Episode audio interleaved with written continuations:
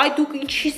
Սերժի ժամանակ չէիք խոսում։ Այ դուք նախկին իշխանության ստրուկ եք։ Իրավունք ունեմ եւ իրավունք եմ ինձ վերապահում ասելու, որ վարչապետը ճիշտ չի ասում։ Ես սա համարում եմ անհարգալից վերաբերմունք Հայաստանի Հանրապետության քաղաքացիների նկատմամբ։ Ասեք, ում է պետք կրճատել հավելյալ արդյունք գլոբալ առումով չստեղծողները փաստորեն նախկին իշխանության սպասարկումներն են Արփինե Հովանիսյանը օրեր առաջ Facebook-յան իր էջում հրապարակել էր Հայաստանի Հանրապետության փոխվարչապետ Մհեր Գրիգորյանի եւ ֆինանսների նախարար Ատոմ Ջանջուղազյանի վարչապետ Նիկոլ Փաշինյանին ուղղված գրությունը, որով ներկայացվում է պետական ծառայողների օպտիմալացման ընթացիկ վիճակը։ Գրության մեջ մասնավորապես նշված է. Անկամ եթե մոտ 10000 հավելյալ արդյունք չստեղծող հանրային ծառայողներ դառնան գործազուրկ, ապա դրանից շահելու է հայոց պետականությունը եւ ողջ հասարակությունը՝ շուրջ 3 միլիոն Հայաստանի Հանրապետության քաղաքացի։ 10 օրվա ընթացքում Հայաստանի Հանրապետության վարչապետին ներկայացնել գործողությունների համալիր եւ սպառիչ ծրագիր, առանց կաշկանդվելու գործող իրավական կարգավորումներով։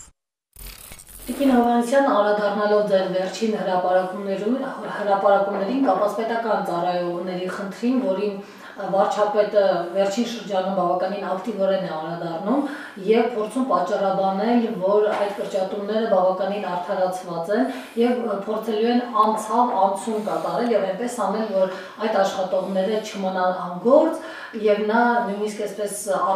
տարբերակ էր առաջ քաշել, որ նույնիսկ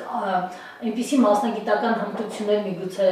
այդ աշխատողներին փորձեն այսպես տալ, որպեսզի նաեւ մասնավոր հատվածում նրանք կարողանան գտնել աշխատանք։ Որքանով են այս հայտարարությունները ձեզ համար արժանահավատ, հատկապես այն հրապարակումները եւ այն վերլուծությունը, որ դուք ներկայացրել եք հարցի վերաբերյալ։ Նախ շնորհակալ եմ հա, հարցի կարևորությունը իրապես գիտակցելու եւ այս հնարավորությունը ընձեռելու համար։ Իրականում ես թույլ տվեք այսպես ասել հավատ չեմ ընծայում վարչապետի հավաստիացումների եւ պատճառը ոչ թե այն է, որ պարզապես Նիկոլ Փաշինյանի բազմաթիվ հայտարարություններ ժամանակի ընթացքում այս ամիսների ընթացքում իրար հակասող են եղել, այլ հենց այս փաստաթղթի շրջանակներում, որոնք ես ընթերցել եմ եւ իմ աչքերով տեսել եմ, ես իրավունք ունեմ եւ իրավունք եմ ինձ վերապահում ասելու, որ վարչապետը ճիշտ չի ասում։ Ճիշտ չի ասում մի քանի պատճառից ելնելով, իրականում նախ նշում է, որ շատ շատ հետաքրքիր իհարկե ձևակերպում էր, երեք իր հարց ու պատասխանի ժամանակ փաստորեն որոշեց, որ հավելյալ արդյունք գլոբալ առումով չստեղծողները Փաստորեն նախկին իշխանության սպասարկումներն են, որոնք սպասում են, որ ինչ որ նման փաստաթուղթ հայտնվի եւ այլն եւ այլն։ Սա ուղղակի գիտեք ցույց է տալիս մարդու վերաբերմունքը իր քաղաքացու նկատմամբ Ինքը չգիտի ովքեր են այդ մարդիկ, ինքը պարզապես պիտակավորում է, ինքը անհարգալից վերաբերմունք է ցույց տալիս մարդկանց նկատմամբ։ Եվ իմ թեզը իրականում մի քանի փաստի վրա է հիմնված։ Նախ ուզում եմ ասել, որ ես երեսպաշտություն արած կլինեմ, եթե ասեմ, որ առհասարակ օպտիմալացում գաղափարը ինքնին վատ գաղափար է կամ օպտիմալացումը պետք է միանգամից այսպես սվիններով ընդունել եւ դրան դեմ գնալ։ Ոչ ամենևին, որովհետեւ ես եղել եմ նաեւ կառավարությունների կազմում, որոնք այս կամ այն կերպ ինչպես էլ դրան վերաբերենք, հիմա դրա ժամանակը չէ քննարկելու, այս կամ այն կերպ օպտիմալացման խնդիրներին անդրադարձել են, բայց ամբողջ խնդիրն այն է, որ օպտիմալացում նախաձեռնելով այն էլ այնպիսի լայնամասշտաբ օպտիմալացում, ինչպիսին գրված է այս փաստաթղթում, պետք է ստեղծված լինեն պայմաններ Ես չեմ տեսնում այդ պայմանները։ Տնտեսական ակտիվության ցուցանիշները այնպես են գահավիժում, որ դժվար է պատկերացնել, որ մասնավոր ոլորտը այնպես է ծաղկելու, որ այդ մարդիկ կարողանալու են այնտեղ գտնել աշխատանք։ Երկրորդ նոնսենսը, որը իր խոսքում թույլ է տալիս վարչապետը։ Ախր ինչպես կարող եք պարոն վարչապետ ասել, որ այ պրոֆեսիոնալներ են, իրավաբանները, հաշվապահները օրինակ, իրավապետ, որոնց պետք է կրճատեք, պրոֆեսիոնալ են, խնդիր չկա, կգնան աշխատանք գտնեն մասնավորում։ Այսինքն պետությունը ջանք է թափել եղել անընդհատ այդ մարդիկ պետական ծառայողներ են եղել, պաշտոններ են զբաղեցրել ու հանկարծ բարձվում է լավ էլ հավելյալ արդյունք ստեղծող մեկին ասում եք դե ոչինչ կներես գնա մասնավորում ուրեմն քեզ աշխատանք գտնի այդտեղ դուք նայեք այո մի մի դեպքում շատ լուրջ հակասություն կա իր խոսքերում, որովհետև նա չփորձեց բովանդակային անդրադարձ կատարել այդ հարցին։ Պարզապես սեփական падգամավորը նրան շանս տվեց, որ արտահայտվի եւ հերթական քաղաքական գորգռոցն էր, որը անկեղծ ասած ոչ մի բովանդակային պատասխան չտվեց։ Եթե դուք հասկացաք, ապա հուշեք ինձ։ Կասեք ով է հավելյալ արդյունք ստեղծողը։ Ես ուզում եմ մի հակասության մասին էլ խոսել։ Երբ որ դուք նայեք փաստաթղթերը, որոնք ես հրապարակել եմ, դրանքից եւս փաստաթղթեր կան, եթե անհրաժեշտություն լինի, կարող եմ տրամադրել, այսպես կոչված բացատրական հատվածն է, միջանկյալ ամփոփագիր է կոչվում, եւ որ այդտեղ կարդում ես, դու տեսնում ես, որ հավելյալ արդյունք չստեղծող համարվում է հանրային ռեսուրսների, այսպես ասած, ոչ արդյունավետ, ոչ օգտավետ եւ ոչ խնայողաբար օգտագործող, այսպես ասենք, հիմնարկները, կազմակերպությունները։ Այսինքն, թե կառավարության ծրագրում եւ թե այս փաստաթղթին կից ներկայացված հավելվածներում խոսքը գնում է կազմակերպության ու կառույցի մասին, որը ոչ արդյունավետ, ոչ տնտեսող ու ոչ օգտավետ է։ Եվ հանկարծ փոխվարչապետի եւ ֆինանսների նախարարի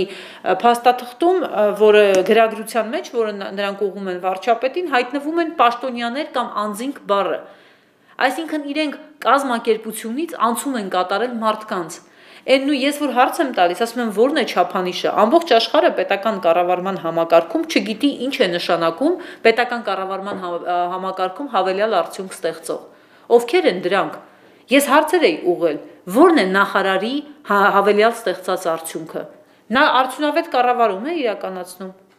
Միայն դրա համար ենք համարում հավելյալ արդյունք ստեղծող, որն է վարչապետի հենց իր ստեղծած հավելյալ արդյունքը, որն է հաշվապահի իրավաբանի, կադրերի վարչության աշխատակցի, չգիտեմ, գնումների վարչության աշխատակցի ստեղծած հավելյալ արդյունքը։ Այդ ինչ չափանիշ եք դուք դրել, որ հիմա դրա համար եմ ասում, չափանիշները խեղել եք ոչ արդյունավետ, ոչ խնայողաբար, ոչ օգտավետ։ Այսինքն ուզում եք ասել, բոլոր նրանք ում կրճատելու եք, հանրային ռեսուրսը ոչ խնայողաբար են օգտագործել, ոչ արդյունավետ ու ոչ օգտակար։ Մարդիկ խառնել են ինստիտուտները ու դեմքերը։ Դրա համար եմ ասում, ոչ պրոֆեսիոնալ մոտեցում է ցուցաբերվում առաջինը այս հարցին, բացարձակ ոչ պրոֆեսիոնալ, սրանք ֆինանսների նախարարության համապատասխան աշխատակիցների գաղափարներն են, որոնք ոչ պատշաճ կերպով են քննարկվել եւ դրա համար էլ դրա արդյունքում էլ մենք ունենք իրականում ոչ պրոֆեսիոնալ կազմված փաստաթուղթ կամ եթե թույլ տակ ասել միակողմանի կազմված փաստաթուղթ, որոնք դիտարկում են ինստիտուցիոնալ մարդիկ ուղակի գործիք են։ Մարդիկ ուղակի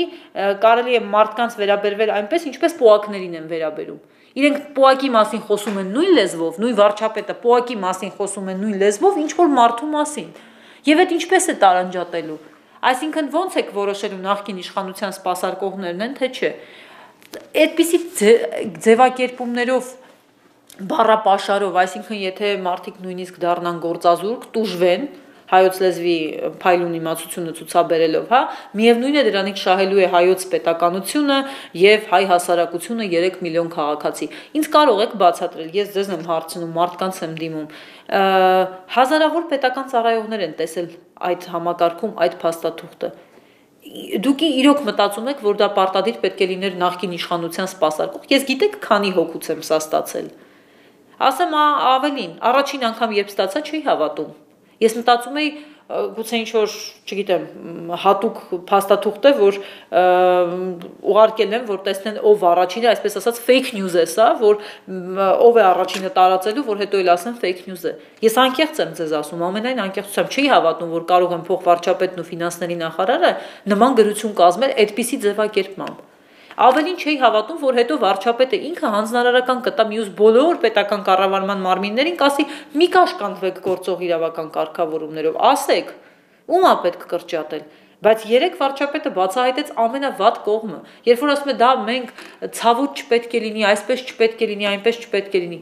Բա ուր են չափանիշները։ Բա ուր է հանրային քննարկումը։ Բա ինչպես եք որոշելու ովքեր են հավելյալ արդյունք ստեղծողներն ու չստեղծողները։ Պատգամավորի ստեղծած հավելյալ արդյունքը ո՞րն է։ Ես խնդրում եմ գնացեք իշխանական падգամավորներից 88-ից հերթով հարցրեք իրենց ստեղծած հավելյալ արդյունքը ո՞րն է։ Հայհոյող ֆեյքերի ստեղծած հավելյալ արդյունքը ո՞րն է։ Իդեպ, երբ որ առաջիկայում դուք կտեսնեք կառավարության դիրքորոշումը նաև այդ ֆեյքերի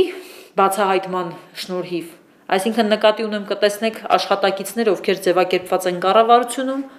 իրական պրոֆիլներով, կտեսնեք ֆեյքեր, ովքեր այդ իրական աշխատակիցների պրոֆիլներն են եւ կտեսնեք ֆեյքերի կողմից այդ մարդկանց սուրճ խմող,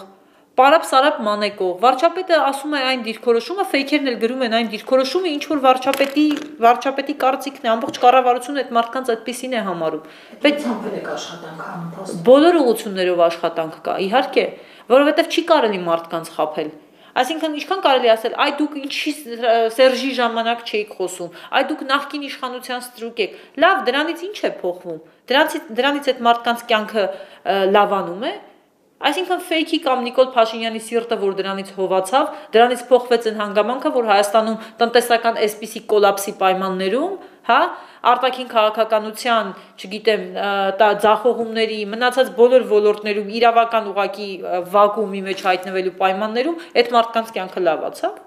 Է հա լավ, ասենք մի քիչ էլ գոռացիք։ Մի քիչ էլ վիրավորեցիք, անընդհատ հիշեցրեցիք անցյալը։ Ախր 1 տարին է դրանում, որ դուք կառավարու պաշտոնապես իշխանություն եք։ Վերջապես մի քանի անգամ եմ ասել այս ամիսների ընթացքում տարբեր կարգավիճակներով, հիմա փորձում եմ ավելի ոչ քաղաքական կարգավիճակով ասել։ Վերջապես իշխանությունն ու կառավարությունը պետք է իրենց իդենտիֆիկացնեն որպես իշխանություն։ Այդ մարդը նրա համար չի, որ ամբիոնից հոխորտա, այդ մարդը նրա համար չի, որ վիրավորի ինչ որ գիտաֆանտաստիկ ճար արտասանի, որ որտեղ բոլորը ծափ կտան հատկապես ինչ որ վիրավորական տոնով կամ գորգռացող տոնով։ Հանգիստ, կիրթ պատասխաններ են պետք։ Ախր չէ որ իրենք միշտ ասել են նախորդները վատն են, մենք լավը։ Բայց այդ լավը ինչով է դրսևորվում կամ կամ ինչ է նշանակում հաջորդ չափանիշը։ Խնամի ծանոթ բարեկամ։ Լավ ով չի տեսնում լրագրողներից կամ հանրության մեջ, ով չգիտի ովքեր են անձամբ Նիկոլ Փաշինյանի, նրա ընտանիքի անդամների, նրա մերձավորագույն շրջապատի, Իմ քայլը դաշինքի վարչության անդամների ամուսինները, զավակները, ծնողները, չգիտեմ, ել ովքեր, որոնք պաշտոններ են զբաղեցնում։ Իդեպ ես ի տարբերություն Նիկոլ Փաշինյանի ողբերգություն չեմ տեսնում նրա մեջ, դա իր քարոզած արժե համակարգն է եղել։ Ես ողբերգություն չեմ տեսնում նրա մեջ, երբ ինչ որ բարեկամներ, ինչ որ մարդկանց, հա, պաշտոն են զբաղեցնում։ Եթե իրականում ինչպես կառավարության ծրագրում է գրված, արժանիքահեն են դա զբաղեցնում։ Ես չեմ ասում, որ բոլորը նախկինում եղել են արժանիքահեն զբաղեցրած եւ քավլիցի։ Ես մեղմ ասած չեմ պնդում, որ հիմա են բոլորը արժանիքահեն զբաղեցնում, բայց ես դրան ոչ թե վերաբերում եմ ողբերգություն որպես որ վայ, ես ինչ է պատահել իր բարեկամն է պաշտոն զբաղեցնում։ Հանրությունը տեսնում է նրանցից յուրաքանչյուրի ունակությունները։ Գնահատեք արժանիքահեն են թե ոչ քայլելու, լայքելու, հայհոյելու, չգիտեմ, ուղակի մտերիմ լինելու, Facebook-ում ինչ որ գործողություններ կատարելու համար են այդ պաշտոնը զբաղեցնում, թե իրոք պրոֆեսիոնալ են։ Գնահատեք դուք, դուք լրագրող եք, դուք ես հասարակության անդամ եք։ Վերջապես մենք մենք ռեսուրս չունենք անսահմանափակ։ Հայաստանի Հանրապետությունը չունի անսահմանափակ կադրային ռեսուրս։ Մենք պարտավոր ենք սա հասկանալ։ Չունենք մենք այնքան շատ լավ իրավաբաններ, լավ տնտեսագետներ, հանճարեղ կառավարման մասնագետներ տեսնում ենք, տեսնում ենք որակը նոր իշխանության, հասկանում եք, մարդիկ տեսնում են։ Կան, ես չեմ ուզում այնտեղ բոլորին այսպես մի արշինով չափել, բայց երբ մարդը մի բան է ասում, երեսպաշտություն է նրա կողմից, այ գիտեք, այսպես թիրախավորելը, ասել, այ նախկին հանրապետականները խնամիներին ու ծանոթներին էին բերել։ Դուք որոշ խնդրություն տեսնում եք այստեղ։ Գիտեք, Կարծում եմ, եթե նույնիսկ ես չտեսնեմ, Հայաստանի Հանրությունը ակնհայտ տեսնում է, այո։ Այո։ Ես չեմ ուզում որակումներ տալ, բայց ակնհայտ է, որ այո։ Ես ինչ եմ ասում, պետք է կարողանալ թոթափել դա առաջ շարժվել դրանից հանրապետական չար ու վատ նախկին իշխանությունը կամ նիկոլական այսպես հատվածը, ինչպես ընդունված է ասել, չեն ոչ նրանք են շահելու, ոչ սրանք են դուժելու։ Հայաստանի Հանրապետությունը որպես միավոր հայ հասարակությունը, որին անընդհատ բևեռացնում են։ Էլի նորից տարանջատեց, հասկանում եք։ Շատ ցավալի է, ցավով եմ սա ասում։ Ես երեք լսում էի, փորձում էի հասկանալ ինչպես կբացատրի ի վերջո։ Բայց վերջում պարզվեց, որ այդ 10000 պետական ծառայողները մինչև 10000 հա պետական ծառայողները ուղղակի նախկին իշխանության այսպես սպասարկումներն են, դե նրանց կարելի է հանել։ Էլի նորից սևեր ու սպիտակներ։ Վստահ եք, որ այդ մինչև 10000-ը որը կրճատելու եք, նախ անձ եք կրճատելու, բայց դրանց հետևում ընտանիքներ են։ Իսկ վստահ եք, որ ձեր հետ հեղափոխության, այսպես ասած, օրերին չեն եղել հրաապարակում։ Այդ ինչպես եք իմացել։ Ոնց եք ստուգել։ Թե հենց այդ չափանիշով եք ելնում։ Եթե չեն եղել, ուրեմն կկրճատեք, կասեք իրենք հավելյալ արդյունք չեն ստեղծում։ Դե այս մասին գիտեք, հանրությունը պետք է դատի։ Ուղղակի ֆանտաստիկ ձևակերպումներ կան հարակից փաստաթղթերում եւս։ Խոսվում է ռոպագանդայի եւ ագիտացիայի մասին։ Խոսվում է այն մասին, որ գիտեք, որը դա այդ փաստաթղթում բացի ինձ հրապարակած փաստաթղթ իմ կողմից հրապարակված փաստաթղթերից Մհեր Գրիգորյանի եւ Ատոմ Ջանջուղազյանի գրության կից գրությանը ներկայացվում էին թեմատիկ եւ միջանկյալ ամփոփագրեր։ Իդեպ վարչապետ Փաշինյանը իր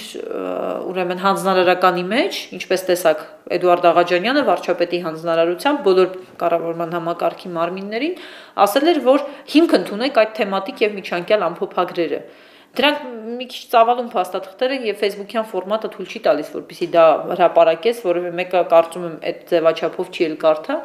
Այնտեղ խոսվում է, որ այո պետք է չափելի արդյունքներ ներկայացվեն, չափելի արդյունքները հնարավոր կոնկրետ թիրախներ լինեն։ Ինչ որ գեղեցիկ շատ ընդհանրական ձևակերպումներ կան այդ փաստաթղթում, բայց այդ փաստաթղթում կա նաև օրինակ եմ բերում, որ օրինակ շահառուն պետք է լինի Հայաստանի Հանրապետությունը միշտ։ Այսինքն ցանկացած ծրագրի, ցանկացած պետական մարմնի գործողության արդյունքում շահառուն պետք է լինի Հայաստանի Հանրապետությունը։ Եվ մի ֆանտաստիկ օրինակ են ուղակի բերում հանրային հեռուստարադիոընկերությունների հետ կապված, իդեպ ասեմ վստահ եմ նույնիսկ, որ այս փաստաթուղթը հանրային հեռուստարադիոընկերության ղեկավարությունը չի էլ տեսել։ Իրենք տեղյակ չէ, որ իրենք ռոպագանդա կամ ագիտացիա պիտի անեն, թեև այնպես չի, որ չեն անում բայց ամբողջ գաղափարախոսությունը այն է որ իրենց արժեվ այդ խնդիրն է դրվել մի ձևակերպում ընթերցեմ ուղակի տեսեք Հանրային հեռուստարադիոընկերությունը, խորհուրդը ներառյալ հեռուստարադիոընկերությունները ինչ պետք է անեն։ Հասարակական, պետական, ազգային եւ համամարտկային արժե համակարգի սփռում, այսինքն սփռում պետք է անեն ռոպագանդա, գաղափարական ներգործություն ժողովրդական լայն զանգվածների վրա, Այդուհետև պետական քաղաքականության եւ դրա նպատակների տարածում, ագիտացիա, էլի ժողովրդական լայն զանգվածների վրա որոշողությամբ քաղաքականության ներգործում։ Ես հարց ունեմ. հայոց պետականությունը շահում է այսօրվա ազգային ժողովի, այսօրվա կառավարության գործունեությունից։ Եթե այո, ինձ ցույց տվեք այդ շահը։ Խնդրում եմ։ Իսկ հավելյալ վնաս պատճառողներին դրա չափանիշները կան, ովքեր են վնաս պատճառողները։ Էլի նորից լրտեսներ ենք փնտրում, էլի նորից վհուկների ворս ենք սկսելու։ Ախր հաջողակ վարչապետ լինելու համար, եթե իհարկե Նիկոլ Փաշինյանն իր արժև այդպիսի խնդիր դրել է, Հաջողակ վարչապետ լինելու համար պիտի կարողանաս քեզ իդենտիֆիկացնել որպես նաև քեզ ընդդիմախոսների վարչապետ։ Պիտի ընդունես, որ քեզ ընդդիմախոսելու են ծանր ու դաժան քննադատության են ենթարկելու, բայց դու նաև այդ մարդկանց բարեկեցության, լավ ապրելու, ազատության, անկախության համար ես պատասխանատու։ Ինչ, կարելի է փորձել հիմա ամբողջ պետական ռեսուրսը բոլոր հնարավոր պատկան մարմիններին կենտրոնացնել եւ փորձել տեսնել ով է Արփինե Հովանեսյանին տվել այդ փաստաթուղթը։ Է հետո դրանից փոխվեց այն, որ դուք մարդկանց այդպես վիրավորելու ծաղրել եք։ Գիտեք ինչն էր հետաքրքիրը, որ այդ առաջին հրապարակումից հետո ես բազմաթիվ նամակներ եմ ստացել պետական ծառայողներից նաև բայց նրանցից մեկի նամակը ինձ ուղակի ցնցեց որը վերջում ընթերցել էր այ որ նայեք Մհեր Գրիգորյանի եւ ֆինանսների նախարարի գրության վերջում գրված է մեթոդական վարչության, չգիտեմ, այսինչ, այսինչան, այսինչ ազգանունն է գրված եւ նամակ եմ ստանում հատկանշական է որ կատարողը անգամ իր վարչության անունը սխալ է գրել Իրականում դա մեթոդաբանության չի, այլ հանրային ֆինանսների կառավարման քաղաքականության վարչություն է։ Հիմա հարց է ցակում. Ով է հավելյալ արդյունք չստեղծողը, ստեղծողը, իր պաշտոնը գրել չիմացողը, թե 10000 այլ ծառայողները։ Ես որ ասում եմ մարդկանց վիրավորել են, մարդկանց նկատմամբ սա անհարգալից վերաբերմունք է եւ խնդիրը օպտիմալացումը չէ, ինքնին գաղափարը չէ դրա դրան միշտ կարելի է ինչ որ մի հատ կեղտոտ հայհոյանք գրել եւ երջանիկ դեմքով համարել որ խնդիրը լուծված է այլևս բայց այս խնդիրը շարունակում է մնալ մարդիկ չեն կարող ապրել հիշողությամբ Նիկոլ Փաշինյանը անընդհատ այսպիսի ձևակերպումներով քաղաքական ճառերով, քաղաքական գնահատականներով ինքը անընդհատ փորձում է մարդկանց մեջ թարմացնել հեղափոխության ճակերտներում կամ իշխանապողության հիշողությունը մարդիկ միշտ ուզում է որ հիշեն թե ինչքան իր իր կարծիքով նաև թե կամ գուցե նաև իրականում։ Ինչքան վատ էր, ինք իրենք ինչից ազատվեցին։ Այ հիմա որ վատ է, ոչինչ որ վատ է, հələ հիշեք ինչի ինչ ա եղել։ Ախր հիշողությամբ մարդիկ չեն կարող ապրել։ Ախր այդ գեղեցիկ ձևակերպամբ իրենց տան խնդիրները չեն վերանում թանկացած գազը, որը վաղ թե ուշ քաղաքացու գրպանին է դիպչելու, չգիտեմ, կրճատումները, թանկացումները առաջին անհրաժեշտության ուրեմն առարկաների, հա, բիզնես միջավայր եւ այլն, ներդրումներ, որոնք չկան։ Ախր այդ ամեն ինչը Նիկոլ Փաշինյանի ազդեցիկ ճառերի արդյունքում չի նյութականանում։ Եթե վաղը մյուս օր կրճատելու լինեն եւ մեկը իրենց կողմից իրենց պիտակավորմամբ համարվի նախկին իշխանության համակիր, ապա այդ նախկին իշխանության համակիրը եթե օրենքի տեսանկյունից օրինակ ինքը համապատասխանի այն չափանիշներին, որ իրեն պետք է պահեն ու կրճատեն մեկ այլ անձի, իրենք կանեն հակառակը։ Սրա մասին է խոսքը։ Ամենացավոտ հատվածը դա է, որ եթե երեք վարչապետը երբ ասում էր, որ որակավորեց կամ պիտակավորեց կամ չգիտեմ այդ մարդկանց որակում տվեց, իմ ամբողջ մտահոգությունը հենց այդտեղից էր։ Ինքը արդեն ասեց, ովքեր են հավելյալ արդյունք չստեղծողները։ Մենք խոսում ենք կոպիտ ասած պրոֆեսիոնալ մակարդակում հարց ենք տալիս, ինքը խոսում է քաղաքական մակարդակում ու քաղաքական մակարդակով միշտ փորձում ծածկել ամեն բաց, բայց այդպես չես կարող, մարդիկ հասկանում են ինչ է կատարվում։ Ժամանակը ցույց կտա իրականում որ պահին, որտեղ Հայաստանի Հանրապետության քաղաքացին ուղակի թույլ չի տա իր հետ նման անհարգալից վերաբերմունք անհարգալից կերպով վարվել։ Ես սա համարում եմ անհարգալից վերաբերմունք Հայաստանի Հանրապետության քաղաքացիների նկատմամբ, այն մարդկանց նկատմամբ, ովքեր սատարել են իշխանապողությանը, այն մարդկանց նկատմամբ, ովքեր իրականում հավատացել են Նիկոլ Փաշինյանին, եւ այն մարդկանց նկատմամբ, ովքեր թեև իրեն չեն հավատացել եւ իր կողքը չեն եղել, բայց ովքեր համարել են, որ իր վարչապետ գալով գուցե իրենց կյանքում փոխվի ինչ որ բան դեպի լավը։ Սա հուսախապություն է հենց այդ քաղաքացիների համար։ Իդեպ անկախ նրանից, նրանք այդ 10000-ի մեջ են, թե ոչ։ Սա վերաբերմունք է, սա մտածելակերպ է։ Թե չէ բոլորն էլ սխալներ թույլ են տալիս։ Բոլորն էլ կարող են վրիպել, սխալներ գրել։ Եվ ինձ նաև ցնցեց ֆինանսների նախարարի մեկ պատասխան լրագրողին, երբ ասաց, որ Facebook-յան գրառումներին չեն պատասխանում։ Ուզում էի պատասխանել, գիտեք, լուրջ, իրոք Facebook-ով կառավարվող, Facebook-ով իշխանության եկած, Facebook-ով մարդկանց վիրավորող, Facebook-ով ամեն ինչ անող կառավարության ֆինանսների նախարարը Facebook-յան գրառումներին չի անդրադառնում։ Ախր գիտեք, երբեմն ասում են հազարավոր բառերի փոխարեն ոչինչ չեմ ասի այլևս